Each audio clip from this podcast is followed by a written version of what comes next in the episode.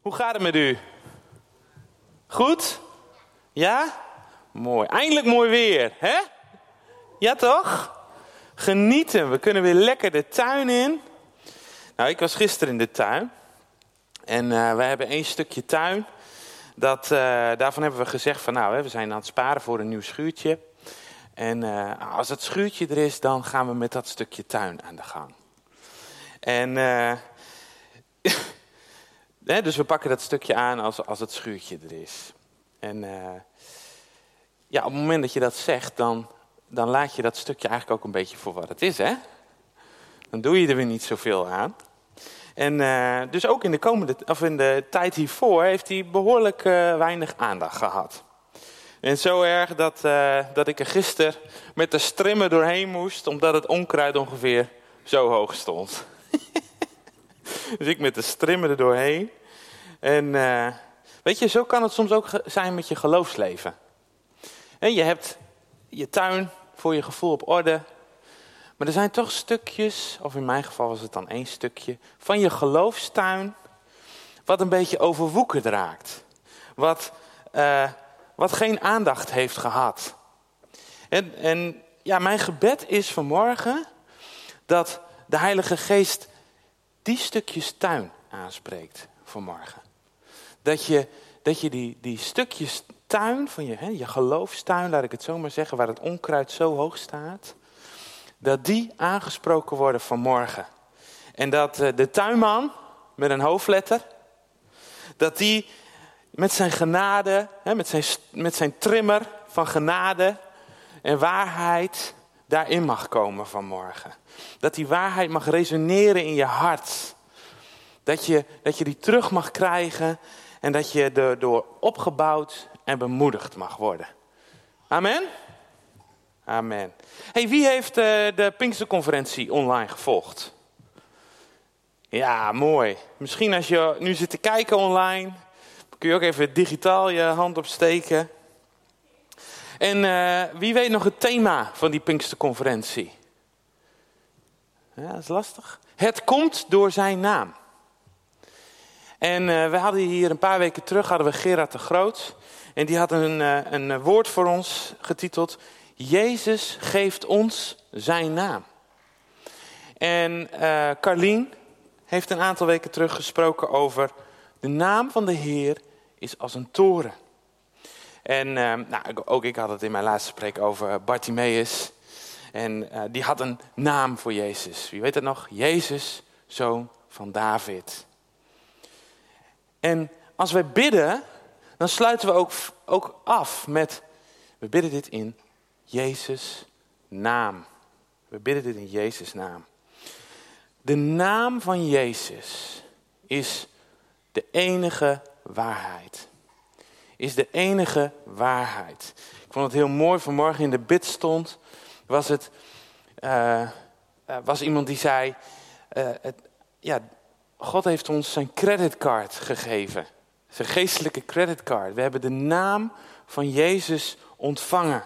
Die naam heeft kracht. De reden dat ik besta is door de naam van Jezus. De reden dat ik leef is door de naam van Jezus. Ik kan nergens anders op terugvallen dan op die naam. En waarom? Omdat Hij de enige is die kon zeggen: Het is volbracht. Hij was de eerstgeborene. Hij was de eerstgeborene die in onze plaats kon sterven. Aan het kruis. En alle onrecht, alle zonde, alle dood die in de wereld was. Die er is, maar ook die er nog komt. Is overwonnen door Jezus.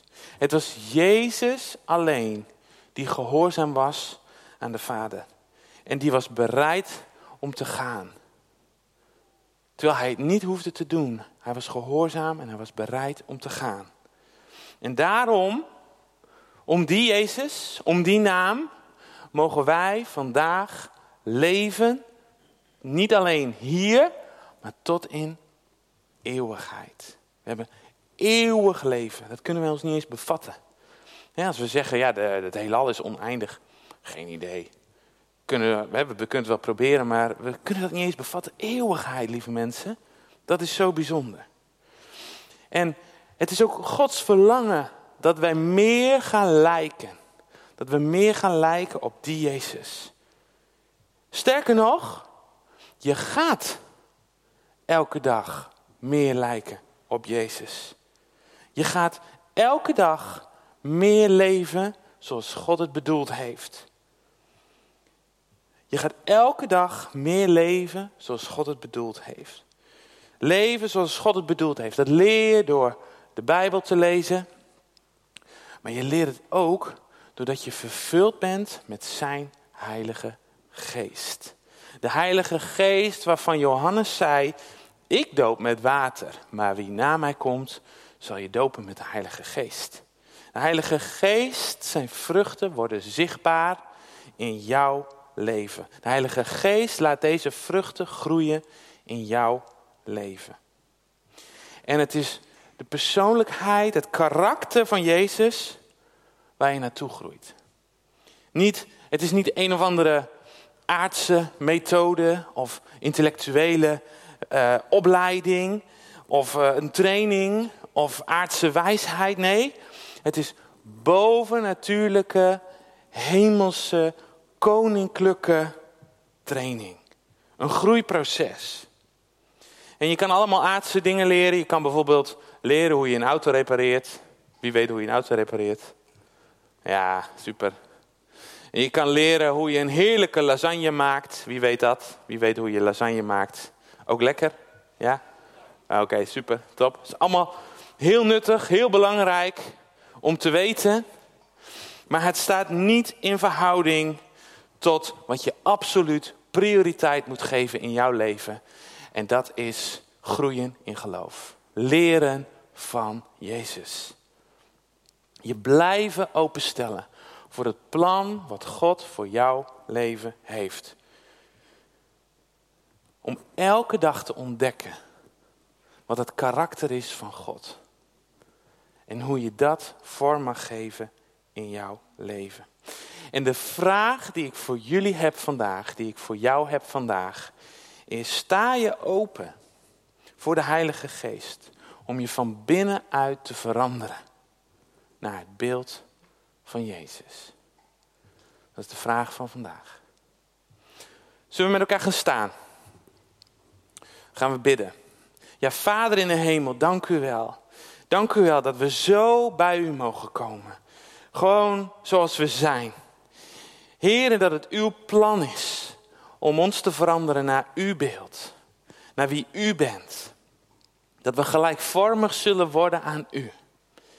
En Heilige Geest, wilt u ook door mij heen spreken vanmorgen. Woorden van eeuwig leven. Woorden van eeuwig leven die in ons hart mogen landen en ons van binnenuit mogen veranderen. Heer, dat is mijn verlangen, dat is ons verlangen. Zo komen we bij u. Zodat we ja, boven onze situatie waarin we zitten, boven ons, ons stukje tuin wat nog, wat nog overwoekerd is, uitgetild worden. En dat u komt met uw trimmer van genade en waarheid. In Jezus' naam. Amen. Amen. Yes. We gaan aan de slag. Laten we met elkaar lezen. Romeinen 8. En vers 27 tot en met 30. Daar staat. Nou, wat leuk is om te vertellen. Eigenlijk die hele zangdienst van vanmorgen, die liederen die we zongen, die komen eigenlijk terug in deze tekst. Dat vind ik heel gaaf ook om weer te zien. Daar staat: God die ons doorgrondt, weet wat de geest wil zeggen. Hij weet dat de geest volgens zijn wil pleit voor allen die hem toebehoren.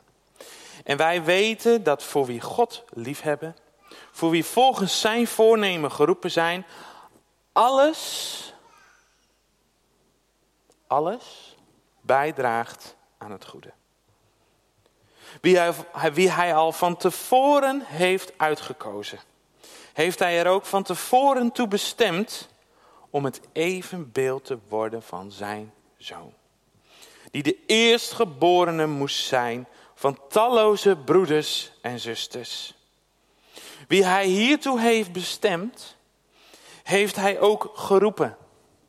En wie hij heeft geroepen, heeft hij ook vrijgesproken. En wie hij heeft vrijgesproken, heeft hij nu al laten delen in zijn luister. In zijn glorie, zijn heerlijkheid. Tot zover. De Romeinenbrief. Dit is Romeinen 8. Maar de Romeinenbrief is geschreven door Paulus aan de kerk, aan de gemeente in Rome.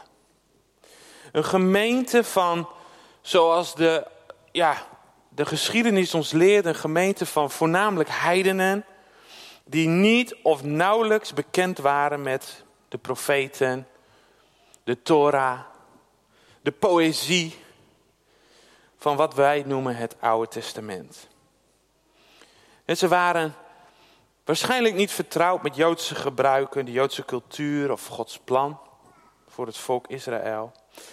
Maar de eerste christenen in Rome, dat waren hoogstwaarschijnlijk wel Joden.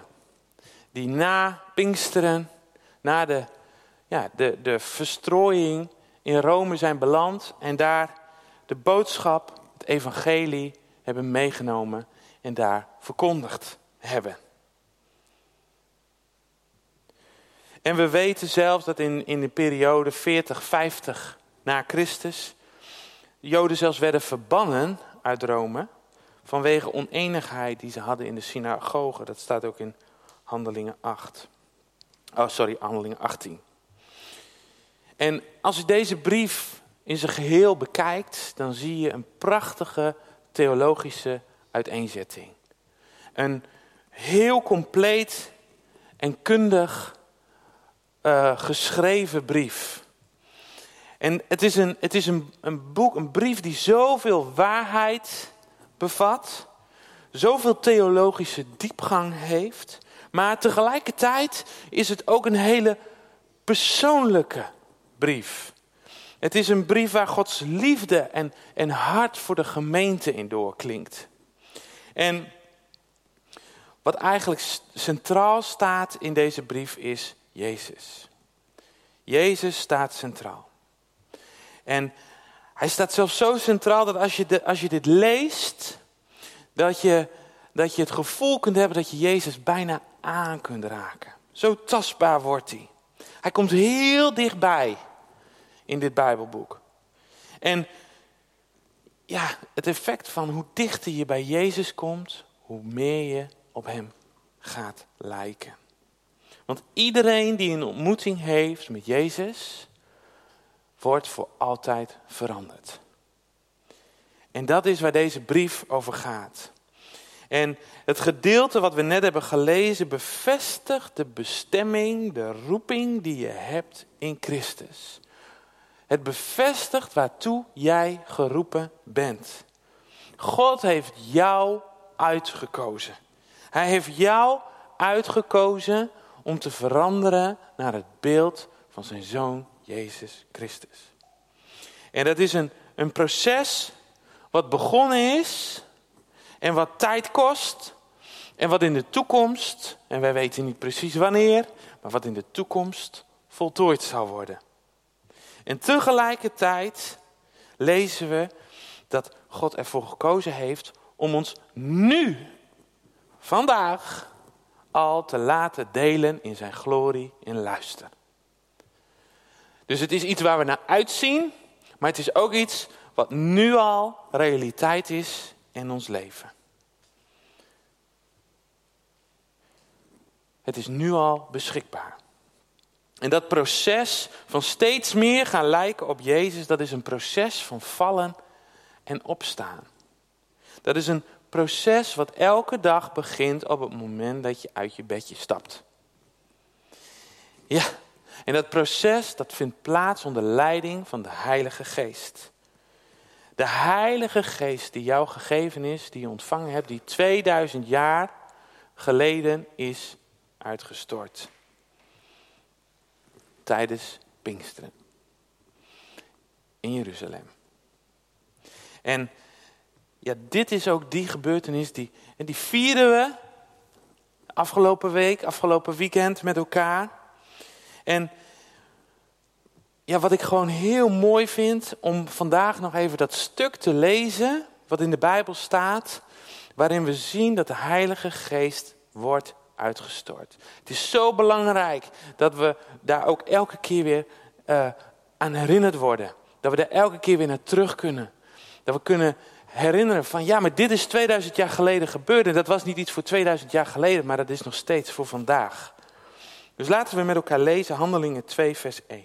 Daar staat, toen de dag van het Pinksterfeest aanbrak, waren ze allen bij elkaar.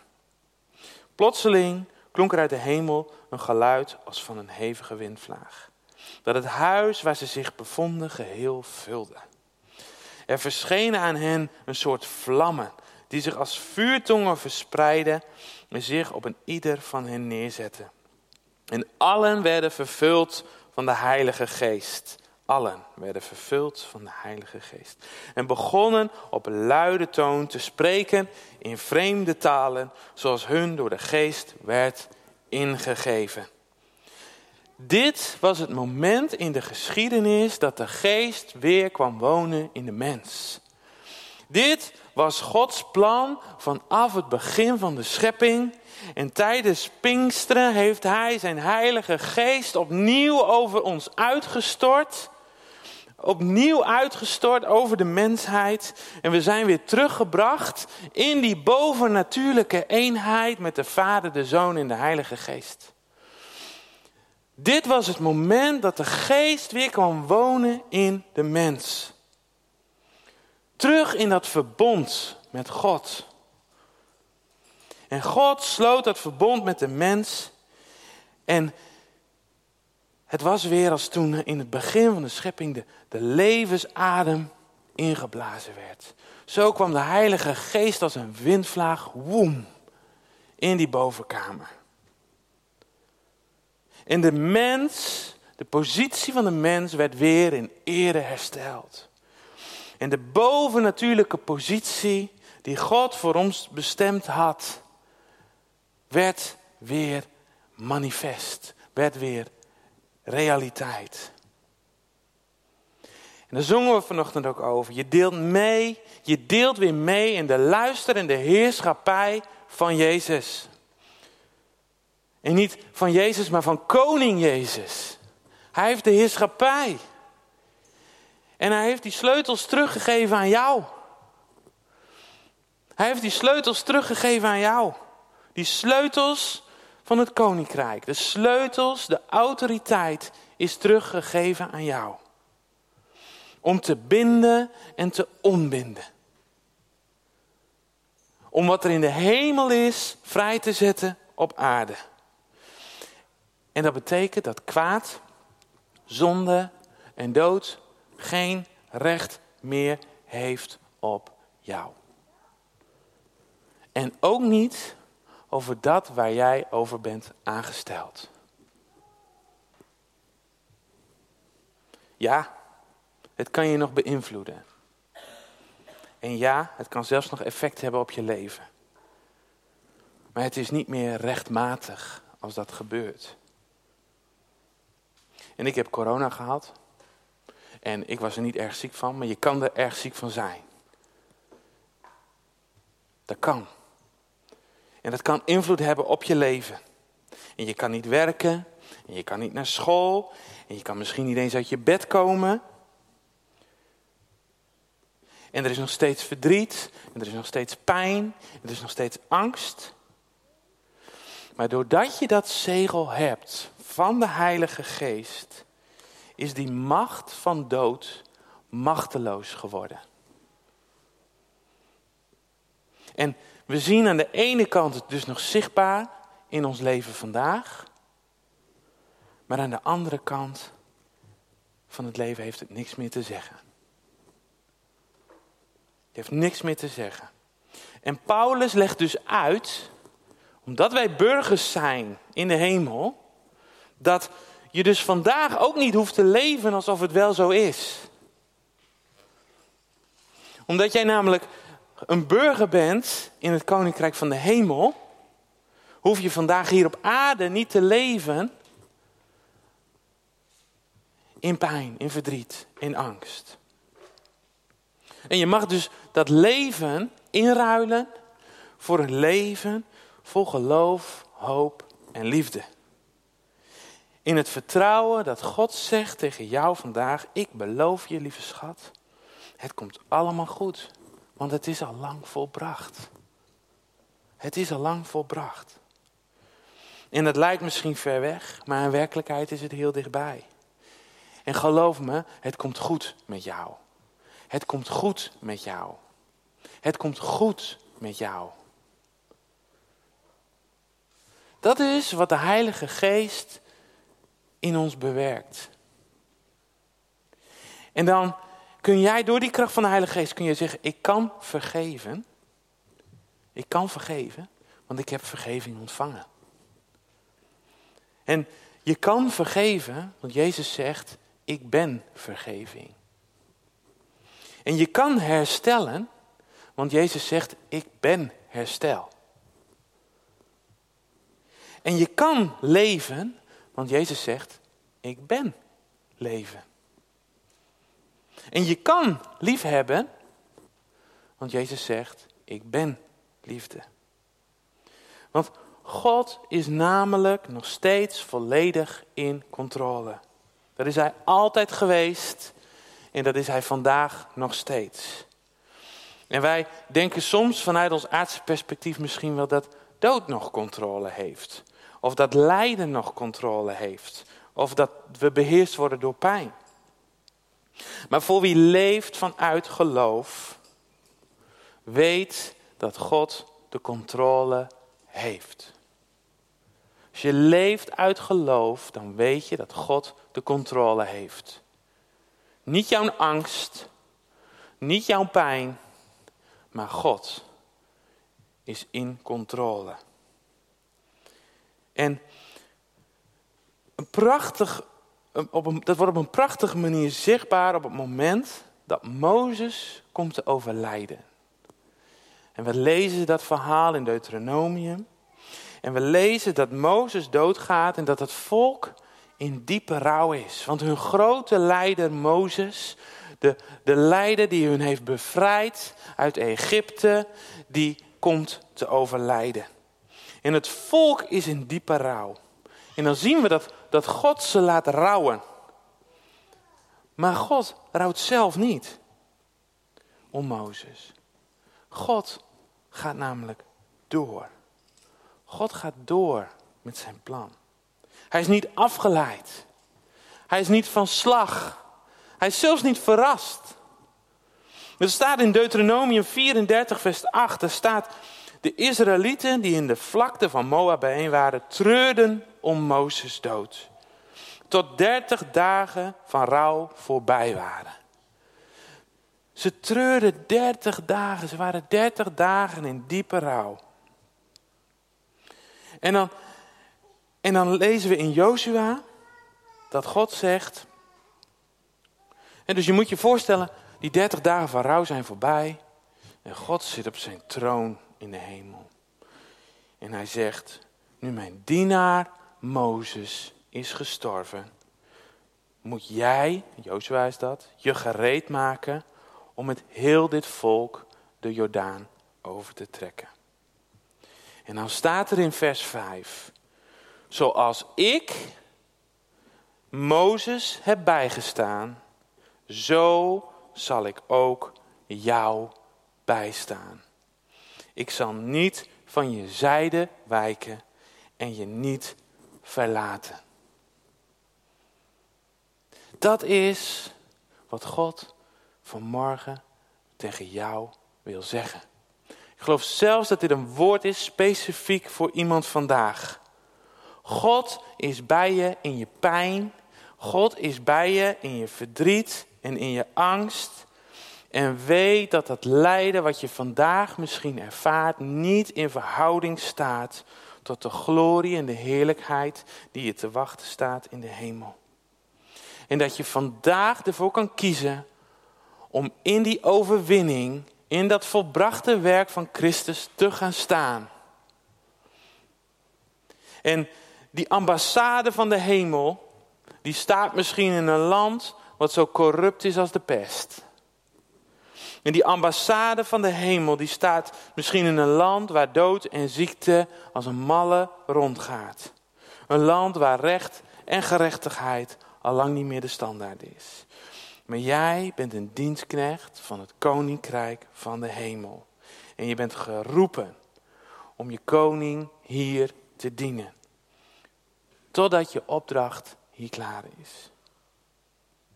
Die opdracht is om zoveel mogelijk mensen binnen te hengelen binnen de poorten van die ambassade.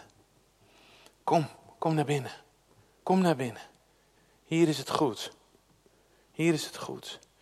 En je bent geroepen om ze te laten zien hoe mooi dat koninkrijk van de hemel is. Hoe geweldig die koning is. En hoe goed hij is voor zijn onderdanen. God gebruikt jou om zijn liefde aan de mensen om je heen te laten zien. Om hoop te brengen waar geen hoop is. En zijn licht wordt dus ook steeds sterker. Dat hebben we net gelezen in Romeinen 8. Dat is een proces wat in gang gezet is. Dat dat licht steeds sterker wordt. Steeds zichtbaarder wordt in jouw leven. Want dat is iets wat de Heilige Geest in jou doet. Dat is wat hij doet.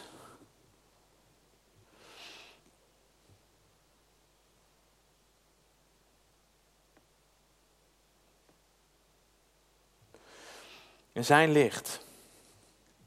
Zijn licht schijnt in jou. En zijn licht schijnt door jou. En daardoor hou je stand. Want zoals u bij Mozes was, zo bent u ook bij mij vandaag. Zo bent u ook bij mij vandaag.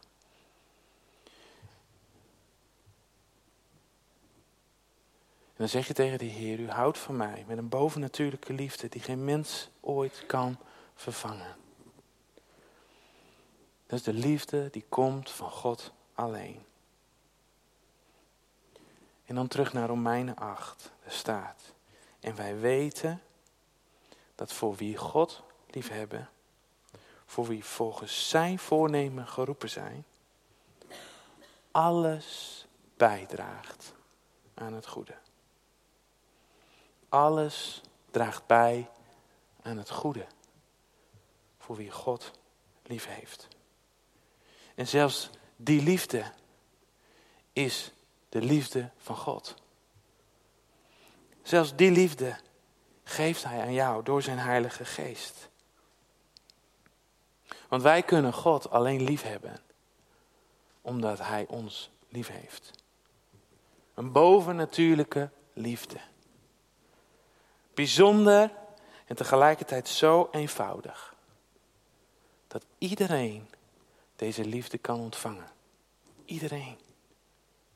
God houdt van jou zoals je bent, want hij heeft je zo gemaakt.